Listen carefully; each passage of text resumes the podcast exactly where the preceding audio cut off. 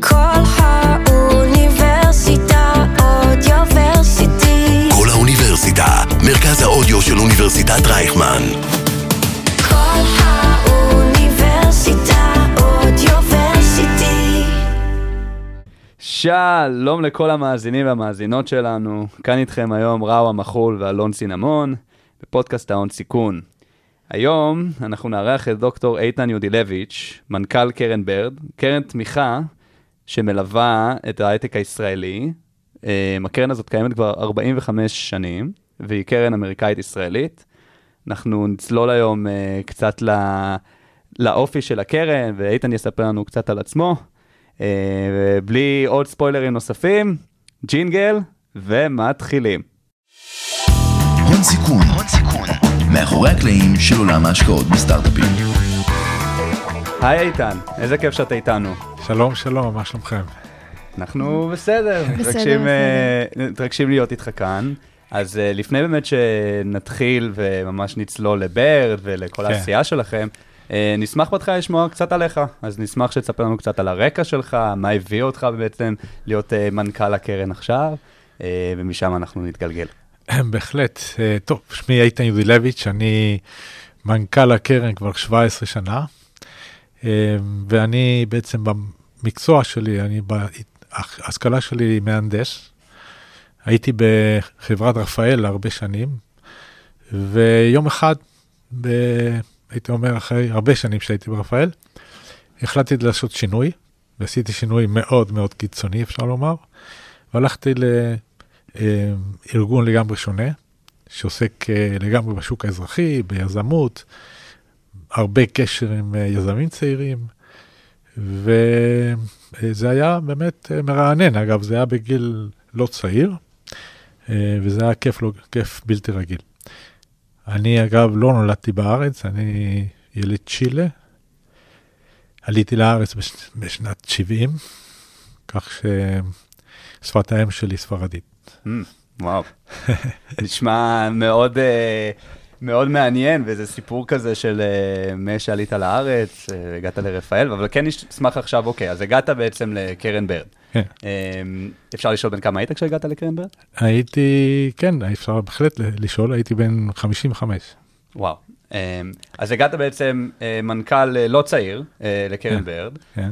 ותספר לנו קצת בכלל מה, מה, איך הייתה ההתחלה. אמ, אולי גם לפני שנדבר על זה, אולי שווה קצת לדבר גם קצת על קרן ברד. איך, כן. איך החזון הוצג כשנכנסת? בהחלט. קרן ברד היא קרן די ותיקה. היא נוסדה ב-1977, היא 45 שנה, מאוד דינמית, ואני הכרתי אותה בגדול לפני שבאתי לקרן, כי עסקתי הרבה מאוד בישראל ארצות הברית, והקרן תומכת בשיתופי פעולה בין חברות ישראליות לחברות אמריקאיות, תחומים לא צבאיים, אמ, ו, אה, ומבחינתי זה היה למעשה להמשיך, אני, אני בעצם שירתתי ארבע שנים בוושינגטון כמנכ"ל אה, רפאל USA, כך שזה היה די טבעי להגיע לנושא של ישראל ארצות הברית.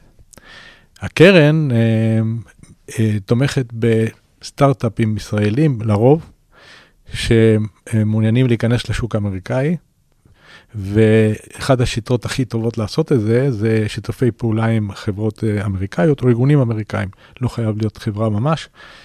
אה, אז, אה, ואנחנו יכולים לתת, אה, לעזור במימון מסוים. אה, אנחנו לא קרן הון סיכון, אנחנו לא מקבלים אקוויטי, זה יותר תוכנית של מענקים, קוראים לזה מענקים מותנים, conditional grants, והסכומים האלה מורידים סיכון ועוזרים לחברות הישראליות להיכנס לשוק האמריקאי בעזרת שיתופי פעולה, והצד האמריקאי שנותן 50% מהכסף, אני מדבר על ממשל, מעוניין שחברות אמריקאיות ייהנו, ייהנו מהחדשנות הישראלית. זה הווין ווין שיש פה. החברות האמריקאיות, או הכלכלה האמריקאית, אפשר לומר, נהנית מהחדשנות הישראלית, והחברות הישראליות, זה מסייע להן אה, להיכנס לשוק. יש לי שאלה. אה, מה זה אומר יזמים ב- מישראל רוצים להיכנס לשוק האמריקאי? מה הכוונה בשוק האמריקאי? אוקיי, כל מי שמקים חברה סטארט-אפ כל יזם שבסוף מקים חברה, אוקיי? לפעמים יזמים לא מגיעים לזה, אבל יזם שמקים סטארט-אפ בישראל, השוק העיקרי ש, שלו או שלה זה השוק האמריקאי. עדיין. כנראה לעוד הרבה זמן. ועל מנת להצליח עסקית, אגב, אפשר, מתחילים בארץ, יש uh, מה לעשות בארץ, יש נגיד לפתח, יש אפילו פיילוטים, אולי אפשר להוכיח את היכולות פה. בסוף, כדי לזכות בשוק גדול, צריך להיכנס, להיכנס לשוק האמריקאי. וכפי שאמרתי, אחת הדרכים הכי טובות זה לשתף פעולה עם חברה מקומית. קשה להיכנס לשוק, אפילו אם מכירים אותו, אה, בלי אה, איזשהו, איזושהי עזרה מקומית, גם בארצות הברית. Mm-hmm. ומה שאנחנו עושים, אנחנו דווקא תומכים בשלבי אה, R&D, מו"פ, מתקדמים יחסית, וזה עוזר לחברות, מכיוון שנניח שפיתחו מוצר פה, כדי, כדי להיכנס לשוק צריך נניח לעשות אינטגרציה במערכת אמריקאית, ואנחנו יכולים לסייע בסכומי כסף כדי לבצע את המשימה הזאת. זה מאוד מעניין, אה, גם אני חושב ששווה גם להתעכב על זה, כי זה מסר שבעיניי חשוב גם שיעבור בצורה שהיא חדה.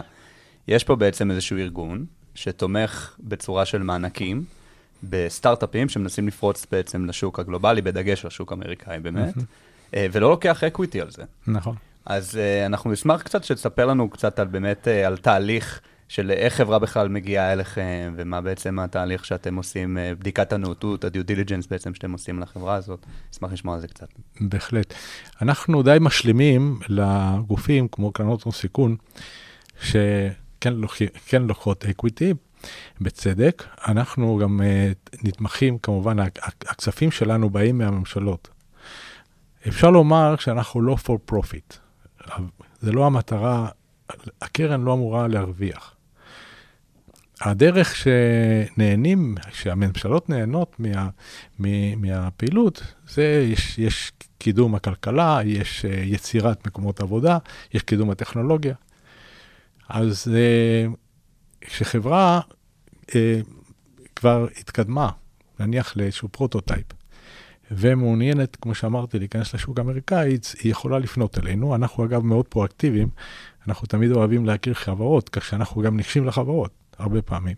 אבל חברה יכולה לגשת אלינו, ואם יש לה שותף, אז זה יותר קל. לפעמים אין לה שותף. אז גם את זה אנחנו יכולים לסייע, קוראים לזה Matchmaking, אנחנו, חלק גדול מהחיים שלנו זה Matchmaking. יש לנו צוות שחלקם הגדול אוהב לעשות את זה. כלומר, לקח חברה ישראלית ולנסות אה, אה, למצוא לה שותף מתאים. כמובן, זה לא משהו ש-100% יכול להצליח, לפעמים זה לא מצליח, אבל סך הכל יש בזה הרבה מאוד תמיכה. עכשיו, זה תהליך תחרותי בסופו של עניין, כך שיש בדיקה של, ואנחנו, אה, בסוגריים, אני צריך להגיד, אנחנו לא תומכים בחברה, אלא אנחנו תומכים בפרויקטים שחברה עושה עם חברה נניח אמריקאית, אנחנו תומכים בפרויקט. אז הם מגישים הצעה שכוללת תיאור של הפרויקט, וההצעה הזאת הולכת לבדיקה של מומחים. זה קצת שונה מבדיקת נאותות של אה, אה, קרן סיכון שהולכת להשקיע בחברה. זה יותר בדיקה טכנית ועסקית של הצעה שמוגשת ביחד. כל הצעה אצלנו מוגשת חברה ישראלית, חברה אמריקאית. מעניין מאוד. אני חושב ש... יעשה קצת אה, שכל למאזינים שלנו לשמוע ממש דוגמאות, אולי איזושהי דוגמה או שתיים שאתה יכול באמת לשתף, כן. על פרויקטים אה, שבעצם אתם אה, נכנסתם כתומכים בהם, כן. ואולי קצת לספר את הסיפור שמהרגע שפגשתם את הפרויקט אה, בהגשת מועמדות, עד הרגע באמת שהכסף הועבר, ואיך תמכתם בפרויקט הזה אחרי, ולאן הוא באמת הוא הגיע. כן, טוב. קודם כל צריך לשמור קצת על ה... אנחנו תמיד שומרים על מין, אה, נקרא לזה, כל מה שאני אומר פה, זה public domain. כלומר, אין שום דבר שאנחנו אה, חושפים שהוא מסווג עסקית. אמ, עם ההבדל שכמובן שאני אומר את זה, אז אה, זה לא סתם ידיעה בעיתון. אה, ולפני שאני מגיע לזה, צריך להגיד שתמכנו במעל אלף פרויקטים, אוקיי? וואו. יש פה הרבה מאוד פרויקטים, מעל 600 מיליון דולר שהושקעו, כך שאפשר לקחת הרבה סיפורים. אבל אני אקח סיפור שהוא באמת מיוחד, זה קשור לגז. ב-2010 הייתה תאונה מאוד גדולה בקליפורניה, בסן ברונו. התפוצץ שם צינור גז, תאונה קשה כי נהרגו אנשים, והתברר שהתשתית פשוט רקובה. וגם לא יודעים בדיוק מה קורה, אין מעקב אחרי התשתיות, לא היה יכולת מעקב. וגוף שקוראים לו מכון הגז האמריקאי, אה, חיפש פתרון של אה, תג אה, ברקוד כזה, שיכול להחזיק מעמד 50 שנה, מתחת לאדמה. משם זה התחיל, אבל זה התפתח לחברה שקוראים לה לוקוס ויו, שהיום עושה, יש לה, המוצר שלה זה מערכת תוכנה בעצם שלמה, שמאפשרת לעקוב אחרי תשתיות, כמו תשתיות גז, אבל גם מאפשרת אה, או מסייעת בבניית תשתיות. והחברה גייסה מעל 60 מיליון דולר בזמן האחרון, והיא מאוד מצליחה, היא חברה, אה, חברה רווחית. איך אנחנו עזרנו? עזרנו בזה שבשלב מאוד ראשוני תמכנו בפרויקט משותף בין החברה שקראו לה נורטק אז, כלומר, נורטק עדיין קיימת, זה לוקוס ביו זה, זה spin-off. Mm-hmm. אמ, אבל נורטק לאותו גוף שקוראים לו Gas Technology Institute. זה סיפור יפהפה, מכיוון שזה מתחיל במין אה, תעשייה מסורתית ישראלית, יכול להסתכל, אפשר להסתכל על זה. זה סך הכל, שם לא היה נראה שיש הרבה הייטק, ומזה יצא מוצר בלתי רגיל וחברה מאוד מצליחה. זו דוגמה אחת. יש לנו דוגמאות בכל התחומים. נתתי mm-hmm. דוגמה של שילוב של חומרים ותוכנה, אבל אפשר ללכת למשל לתחום הבריאות. בריאות שילוב של בריאות של התקן רפואי ובריאות דיגיטלית. יש uh, חברה שקוראים לה Get Better, או Gate Better, יותר mm-hmm. נכון, סליחה, Gate Better, והיא פיתחה uh, מכשיר שבעזרת uh, מציאות מדומה, מסייעת לאנשים עם אה, מגבלות הליכה, לשפר את ההליכה. נניח מישהו שעבר אירוע, או מישהו מבוגר, או מישהו שיש לו בעיית הליכה, שמים אותו על מכשיר הליכה, אבל עם מכשור נוסף, עם מציאות מדומה, וזה מאפשר לו אה, לשפר את ההליכה. אה, ולא, ו, וגם לצמצם את הנפילות וכולי. זה הוכח בארץ, אבל עכשיו צריך להיכנס לשוק האמריקאי. Mm-hmm. ואנחנו סי, סי, סייענו, אנחנו מסייעים לחברה הזאת עדיין, אה, בשיתוף פעולה עם גוף אה, ממסצ'וסטס, אה, שבעצם ביחד מוכיחים בארצות הברית עכשיו, שאכן זה עובד. עם פציינטים אמריקאים, עם הרגולציה האמריקאית, זה סיפור שונה. וזה דוגמה נוספת, וזה קורה לא מעט. אה, גם בתחום הבריאות הדיגיטלית באופן כללי, זה יותר היה מין שילוב, אבל גם בבריאות הדיגיטלית, כל מי שמפתח אה, אפליקציה ומוכיחה אותה פה בצורה זו או אחרת, השוק הגדול הוא בארצות הברית, וצריך, ודאי שצריך לשתף פעולה עם בית חולים או עם אה, גופים אחרים בשביל להיכנס. באיזה שלבים הסטארט-אפים בארץ צריכים להיות? לרוב לא ממש בהתחלה, מכיוון ששותף לא יתעניין ב PowerPoint. הם צריכים לבוא עם משהו, נגיד mm-hmm. prototype. אמ, בדרך כלל זו חברה אה, שהתקדמה, זה סיפור, זה דבר אחד. דבר נוסף, אנחנו לא מממנים את כל הפרויקט, אלא מממנים עד 50% מהפרויקט. כך שהם צריכים להביא cost sharing, mm-hmm. מימון משלים. זה גם סיבה שבגללה אי אפשר לקחת חברה מאוד צעירה שאין לה כסף. כלומר, באים אלינו לעזרה, אבל הם צריכים לבוא עם אה, כסף אה, שלהם, עם אמון שלהם. אה, כך שבסך הכל אני אומר, אה, הייתי אומר שזה לא חברות מאוד צעירות, אבל זה חברות די צעירות. נגיד, לא... ובצד השני, בארצות הברית זה כנראה חברות גדולות. אה, בצד יותר. השני זה מגוון חברות, כלומר, יש חברות גדולות מאוד, יש חברות אה, דווקא מבוססות, אבל לא מאוד גדולות. Mm-hmm. אלה יכול להיות, אה, חברות כאלה יכולות להיות שותפ, אה, שותפות מעולות. מעולות. זה חברה... לא מפחיד את היזמים?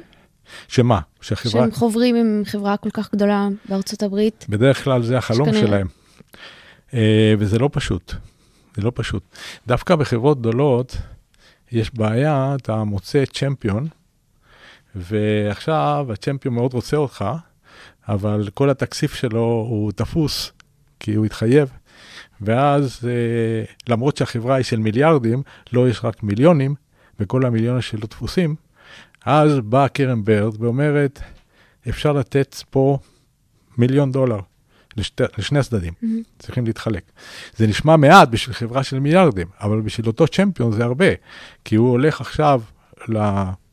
ל- נניח סמנכ"ל לכספים, ואומר, הופ, יש לי כסף חיצוני, עכשיו אתה, אתה גם תעזור לי להביא את הטכנולוגיה הזאת אלינו. כך שזה מפחיד, חברות גדולות, אבל זה, בוא נגיד, רוב הס- הסטארט-אפים כן רוצות להתחבר לחברות כאלה, אבל אנחנו ממליצים לא ללכת בדרך הקלה, זה הדרך הקלה אגב, לזהות חברה ענקית, כולם מכירים אותה.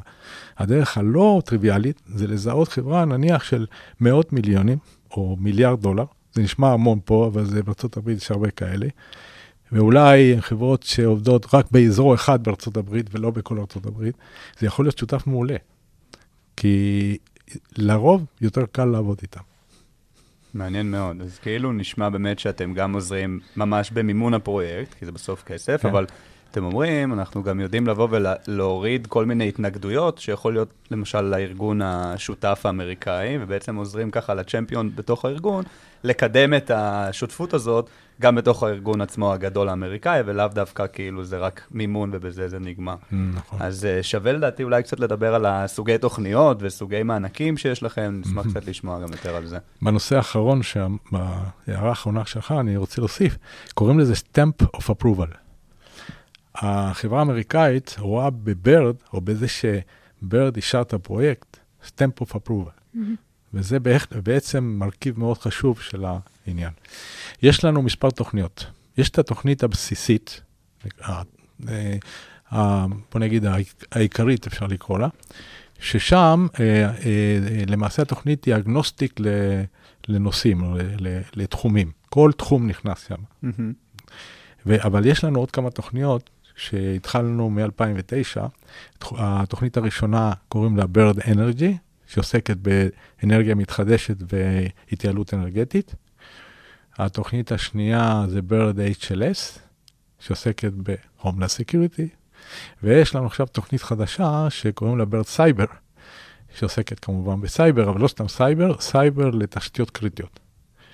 עכשיו, כל אחת מהתוכניות האלה יש לה הזדמנות פעם בשנה, אה, כלומר, אה, לחברות יש הזדמנות פעם בשנה להגיש פרופוזל, הצעה. בתוכנית העיקרית שלנו פעמיים בשנה.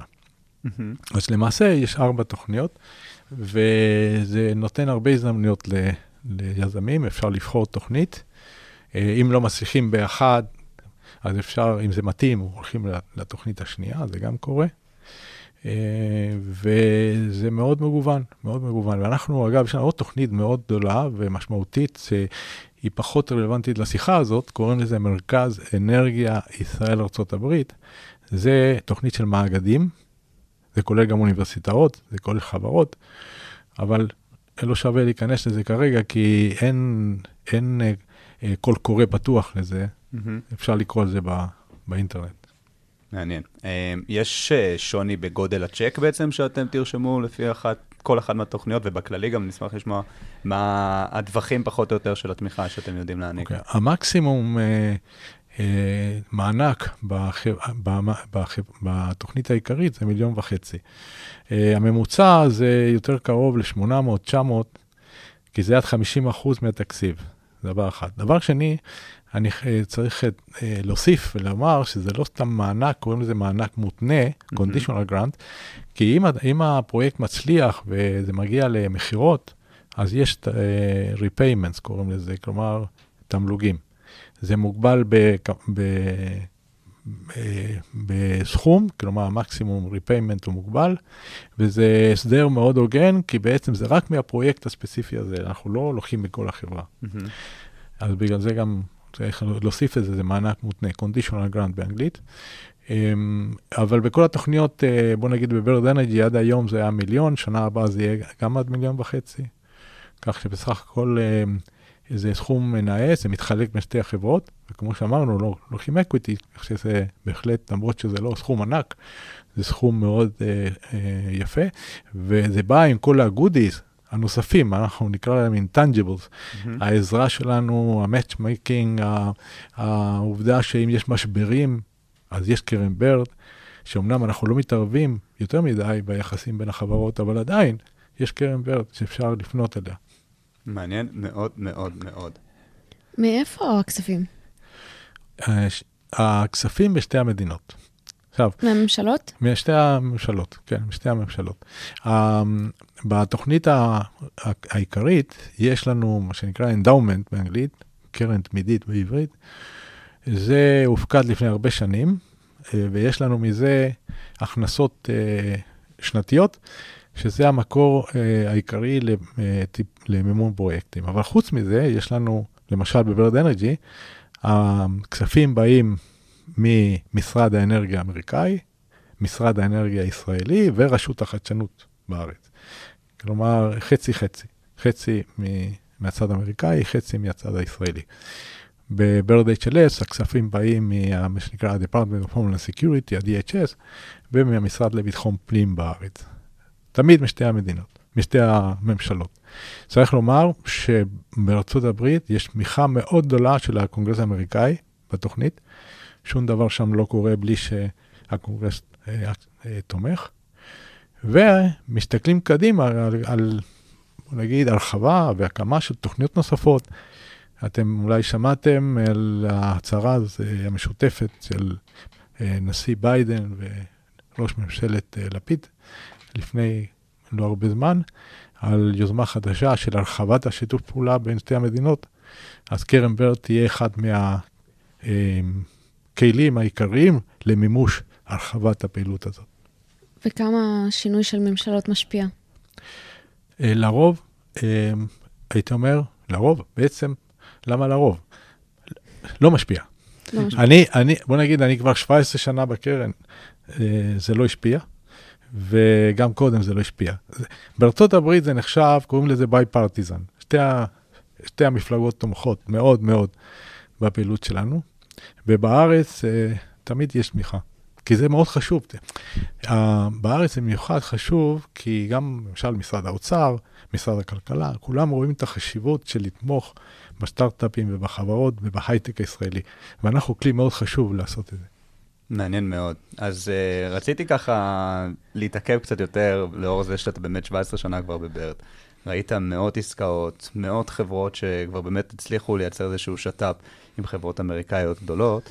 Um, קצת על מה הקשיים, או קצת לספר על הקשר uh, בין החברות הישראליות כשהן פורצות לשוק האמריקאי, כי הרבה מאוד יזמים, גם שהם מאזינים שלנו, mm-hmm. זה תחומים שבסוף מאוד מאוד קשים להם בהתחלה לפצח, כי בסוף אנחנו כולנו כאן אה, חיים בישראל, ובסוף, כמו שגם תיארת מקודם, שוק היעד הוא באמת אה, שוק אמריקאי. ואני בטוח שיש לך המון אה, תובנות ודברים שאתה יכול ככה לשתף, שיכולים באמת לעזור ככה כשיזם מחליט שהוא רוצה עכשיו להיכנס לתוך השוק הזה. זו שאלה מאוד טובה, מכיוון ששום דבר לא קל בשיתופי פעולה האלה. צריך לקחת בחשבון, אה, מהניסיון שלנו, שכ-50% מהסיכון בא מהשותפות עצמה. כי כשמגיעים לשותפות, לרוב אה, יש, אה, בנושא הטכנולוגי, החברות די מעבר לסיכון ההתחלתי. כמובן יש את הסיכון של השוק, אבל יש סיכון מאוד מאוד אה, משמעותי, שלא תמיד ברור, אה, זה סיכון השותפות. עכשיו, מה זה אומר? זה אומר שאת השותפות צריך לנהל, כמו שמנהלים את הפרויקט או שמנהלים את, ה, את הטכנולוגיה, צריך לנהל את השותפות, אי אפשר לשיר, לתת לה לזרום. אחד היתרונות של לעבוד עם קרן ברד, שכל חצי שנה הם צריכים לדווח לנו, ובין היתר כתוב אחד הסעיפים, כתוב cooperation between the companies. ואם אנחנו קוראים את הסעיף הזה ואנחנו לא שקטים, אנחנו שואלים שאלות. אגב, גם אנחנו מופתעים לפעמים ממשברים פתאומיים. Mm-hmm. כי בעיקר בארצות הברית יש נטייה אה, להפתיע. כלומר, חברות יכולות לשנות כיוון ביום אחד. אגב, זה קורה ביום אחד, האמת שזה נבנה, אבל לא יודעים, לא חושפים. Mm-hmm. ואז החברה הישראלית נשארת ככה, מה קרה? אה, ובגלל זה, אם יש אה, אה, תקשורת מאוד טובה עם השותף, גם לא פורמלית. אגב, הקורונה די השפיעה על זה לרעה, כי זה הכל היה זומים. מאוד קשה ליצור את המגע האישי הזה מרחוק, אבל ברגע שיש מפגשים, נוצ... נוצרים קשרים אישיים ולא פורמליים, זה מאוד עוזר. כך שאני מאוד ממליץ לעשות את זה. לעבוד על השותפות זה נקרא לא רק באספקט הפורמלי, הסכמים, גם בנושאים האלה של יצירת קשר אה, בין אישי. והנושא הנוסף, אה, שהייתי אומר, גם, אה, גם קשור לזה, כשיש לך איזה צ'מפיון בארגון, זה נורא, מאוד נוח לעבוד עם הצ'מפיון, אבל שם זזים נורא מהר. Mm-hmm. פתאום הצ'מפיון שלך נעלם לך, הוא קידם, קיבל קידום, עבר לחברה אחרת. אז uh, למרות שלא תמיד קל, לנסות לבנות מעגל מס, מסביב לצ'מפיון, להיעזר בצ'מפיון כדי להכיר עוד אנשים. ואז יש פחות סיכוי שביום שהוא עוזב, אתה תישאר לבד. לא, לא יהיה לך שיחה, לא יהיה לך מספר טלפון או מייל uh, לכתוב אליו. אז בעצם אתה אומר שהדבר הראשון זה באמת לשלוט בקשר, to own it ממש. והדבר השני זה באמת לנסות לייצר אולי עוד איזה שהן נקודות קשר נוספות, מלבד לצ'מפיון המרכזי שאיתו אתה עושה את השותפות, בדיוק מה, כדי בעצם לגשר על הסיכון של מה קורה ביום שהוא עוזב. נכון. עוד משהו שאני צריך לומר, אה, צריך להיות קשוב מאוד לצרכים של השותף. יש נטייה, יש הבדל תרבותי מאוד גדול. גם אנשים שחיים באמריקה או חיו באמריקה, ישראלים, לא תמיד, אה, וחזרו, אה, לא תמיד אה, מתרגלים או, או פתוחים להבדל הזה בתרבות. וזה מאוד חשוב להיות קשוב לעובדה שאצלם האספקט העסקי מאוד מאוד שולט. קשה להגיד למישהו בארץ, נגיד לסטארט-אפ או לחברה, אצלכם האספקט העסקי פחות שולט. זה לא נשמע טוב, אבל מה לעשות? הראש של היזמים הישראלים זה יותר אה, לפתח את הטכנולוגיה, ויש להם חזון, mm-hmm. והחזון יכול להיות באמת משמעותי ביותר, וזה המטרה. בינתיים השותף צריך לדווח על הצלחות. צריך להיות קשוב לשותף ולצרכים שלו. אגב, זה כמו זוגיות. וזה הבעיה, שלפעמים uh, אתה שוכח שצריך להיות קשוב לשט. עכשיו, כשהמשבר בא ומנסים להסביר מה קרה, זה כבר uh, לא תמיד אפשרי, כי כל אחד יש לו את הטענות, וזה קורה לא מעט. מעניין, ואתם באמת, כשיש איזשהו משבר כזה, או שיש איזושהי דילמה כזאת אה, נורא מורכבת יחד עם שותף, אתם באמת מנסים לסייע מהניסיון? אנחנו משתדלים, אם אנחנו יודעים את זה מאוחר מדי, אין מה לעשות. חוץ מפורמליסטיקה, שיכולה לעזור. מה זה פורמליסטיקה? יש חוזה, שני הצדדים אמורים לקיים את החוזה, אבל זה פחות טוב. מה שיותר חש... יותר טוב לנסות להכניס אותנו קצת יותר מוקדם, למרות שאנחנו מש... מאוד זהירים בזה, אוקיי? אנחנו לא צריכים להיכנס יותר מדי בשותפות, אבל אם, אם, אנחנו, אם, אם חשים שיש איזשהו משבר, אפשר, אפשר לעשות דברים. אפשר ללכת לבק, אפשר לקיים שיחה, אפשר לעשות הרבה דברים. מה קורה אחרי שהפרויקט נגמר? אה, אחרי שהפרויקט נגמר, אנחנו עוקבים אחריו, מכיוון שזה אחד הדברים היפים במודל של ברד, שיש את ה-repayment. אז אנחנו רוצים לדעת אם החברות מכרו, הם צריכים לדווח לנו. אבל זה לא, זה, זה יוצר דבר טוב, כי אנחנו משתדלים לעקוב אחרי, יש לנו חובה לעקוב אחרי, אחרי חברות, אבל זה גם כיף לעקוב אחרי חברות. לפעמים לא, כי לפעמים החברות... עד מתי?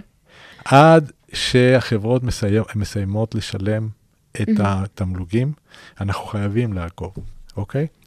עכשיו, זה בעצם התשובה הנכונה, נגיד, אה, ואני אגיד בדיוק, זה בעצם אחד וחצי מהמענק, אה, וזה יכול לקרות די מהר, אבל זה לפעמים לוקח זמן, בגלל זה אני אומר, לפעמים לוקח, יכול לקחת שלוש-ארבע שנים מסוף הפרויקט עד שבאמת מתחילים לראות את ה-revenue, ואחר כך יש כמה שנים עד, ש, אה, עד שזה נגמר. זה יכול לקחת שבע, שמונה שנים מסוף הפרויקט. זה לא אינסוף, אבל זה די הרבה. מהמם. ואיך יודעים, אני משערת שלא כל פרויקט או כל חברה מקבלת את אותם אה, אה, תמ- תמלוגים, החזרים. כן. לא, אנחנו, אנחנו צריכים לקבל את ההחזרים, כן, את התמלוגים, מהמם. repayments. אה, לא כל חברה מצליחה להגיע לשם, זו, זה דבר אחד. האמת, אם אה, רוצים להיות כנים, אז זה הפוך, הרוב לא מגיעים לשם. זה כמו, הרי אנחנו שומעים או קוראים רק על ההצלחות, וכולנו מסונברים מהצלחות. אבל כולנו יודעים שלהיות יזם וסטארט-אפים זה עבודה קשה, ויש הרבה כישלונות בדרך. אנחנו לא חוששים מכישלונות. אנחנו שם בשביל לעזור לחברות, ולא כל פרויקט צריך להצליח בזה, כלומר במובן הזה של להגיע ל-repayments, יש הרבה דברים שקורים לטובה גם בפרויקט שלא הגיע ל-revenue. השותפות עזרה לחבר, לחברות, או המשיכו את הקשר ועשו עוד משהו שלא אנחנו מימנו, אז לא מגיע לנו משם repayment. כלומר, לא הכל נמדד ב-repayment. אבל כשמדברים על אחוזים, אפשר להגיד שבין 20 ל-30 אחוז מהפרויקטים באמת מגיעים לשם. וואו, זה באמת מסתדר עם הסטטיסטיקה שגם אנחנו מכירים בכללי, מעולם ההשקעות בסטארט-אפים, ודאי. שבאמת אה, לא, לא הכל צולח, ובאמת רוב המספרים הם בדרך כלל אה, כנגד ההצלחה ולא בעד, ואנחנו בסוף אבל שומעים רק על הצלחות, כי, ודאי. כי זה מה שמעניין אה, מי- בסוף לדבר עליו. כן. אה, קשה לי למצוא כותרת אה, בעמוד הראשון, החב... אלא אם כן זו באמת חברה מאוד גדולה ושהשקיעו בה הרבה, החברה הזאת נסגרה. בדרך כלל זה נמצא. אם בכלל, באיזשהו מקום קטן, ולנו זה כאב לב, אגב, כחברה שאנחנו תמכנו בה אה, נסגרת או משהו כזה, זה כאב לב. ב-2008, 2009, במשבר הגדול, אני ראיתי, אני חשתי זה, אה, היו פרויקטים שהיו נראים הצלחה כבירה, השותפות, אני לא אכנס לשמות כרגע, אבל היו גם כאלה שלא יכולתי להאמין שביום אחד השותפות הסתיימה, כי האמריקאים ככה הגיבו למשבר הזה, והחברה הישראלית לא לקח הרבה זמן ונסגרה. למה? כי המשקיעים החליטו שמספיק להם, למרות שהטכנולוגיה הייתה נפלאה, והחברה עם אנשים בלתי רגילים. אגב, הם הלכו ליזמות אחרת, הם למדו מזה. אז יצא מזה באמת בסוף משהו טוב. מעניין. אה, אז ככה, לפני סיום, גם נגעת במשבר של 2008-2009, ודווקא נשמח קצת לגעת דווקא במשבר הנוכחי. אה, נשמח קצת לשמוע את ה, איך אתה ראית את הדברים, האם בכלל ראיתם איזושהי השפעה בין הקשר של החברות האמריקאיות שעכשיו קצת אה, לוקחות צעד אחורה אה, לחברות ישראליות, או שמבחינתכם אה, עסקים כרגיל ולא ראיתם איזושהי השפעה? תראה, לוקח זמן עד שמשבר כזה, או עד שהתהליך כזה מגיע אלינו, וזה זה עובד הפוך. כלומר, ברגע שיש כזה משבר, הביקוש אצלנו עולה. אז, ואז אנחנו רואים את התוצאה של, ה, של המשבר. אה, כרגע זה טרי, כך שאנחנו לא, אני לא יכול לבוא, לבוא ולומר שאנחנו רואים איזשהו שינוי משמעותי אצלנו, אבל שומעים, ודאי ששומעים. שומעים צמצומים, שומעים שחברות שהיו בתנופה מאוד גדולה, פתאום אה, הם, הם אה, אה, מתעכבים או נעצרים. מה שאנחנו חוששים במצבים כאלה זה מחברות שיעצרו או שלא יהיה להם מספיק, בוא נגיד, מימון כדי לסיים את הפרויקט. זה דברים שכן מדאיגים אותנו, כי אנחנו רוצים לראות את החברות מסיימות את הפרויקט שאנחנו מממנים, אבל זה יכול לקרות. אגב, זה אפקט שיכול לבוא, אנחנו עוד לא רואים אותו, אבל בהחלט זה יכול לקרות. מעניין מאוד. טוב, אז uh, ככה לפני סיום, נשמח אולי אם יש איזשהו משהו שאתה יכול לשתף uh, שלא דיברנו עליו, וכמובן גם שתציין uh, מתי המחזורים הבאים שלכם נפתחים, שנוכל ככה לספק גם את המידע הזה למאזינים שלנו. אז נתחיל מהמחזורים, אוקיי? יש לנו קול קורא שלמחזור הבא, שהדדליין של המחזור הבא זה ראשון למרץ 2023. Uh, הקול קורא נמצא באתר שלנו, ובהמשך יהיו קולות קוראים לברד אנרג'י ולברד HLS, אבל המחזור הקרוב זה זה, כדאי להסתכל באתר, וזה בהחלט רלוונטי לכל היזמים אה, שמעוניינים בשיתוף פעולה עם אה, חברות אמריקאיות. זה דבר אחד.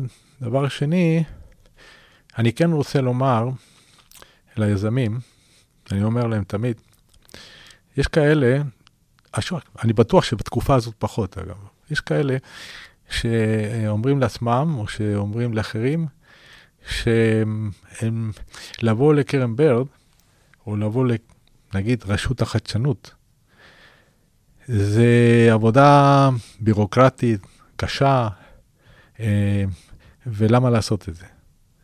אז אני אומר להם ככה, אין מדינה בעולם שתומכת ביזמים שלה כמו, כמו ישראל. ויש פה אה, כלים בלתי רגילים, ומי שלא מנצל, לומד אותם ומנצל אותם, הוא עושה טעות גדולה. לעצמו, למשקיעים שלו, אה, וצריך לעשות את זה באופן רציף, וללמוד את הכלים. אתה לא חייב להשתמש בקרן ברד באותו יום שקראת עליו, עליה. אתה יכול להשת... ללמוד, לשוחח, לפגוש, ויכול להיות שעוד שנה תשתמש בקרן ברד.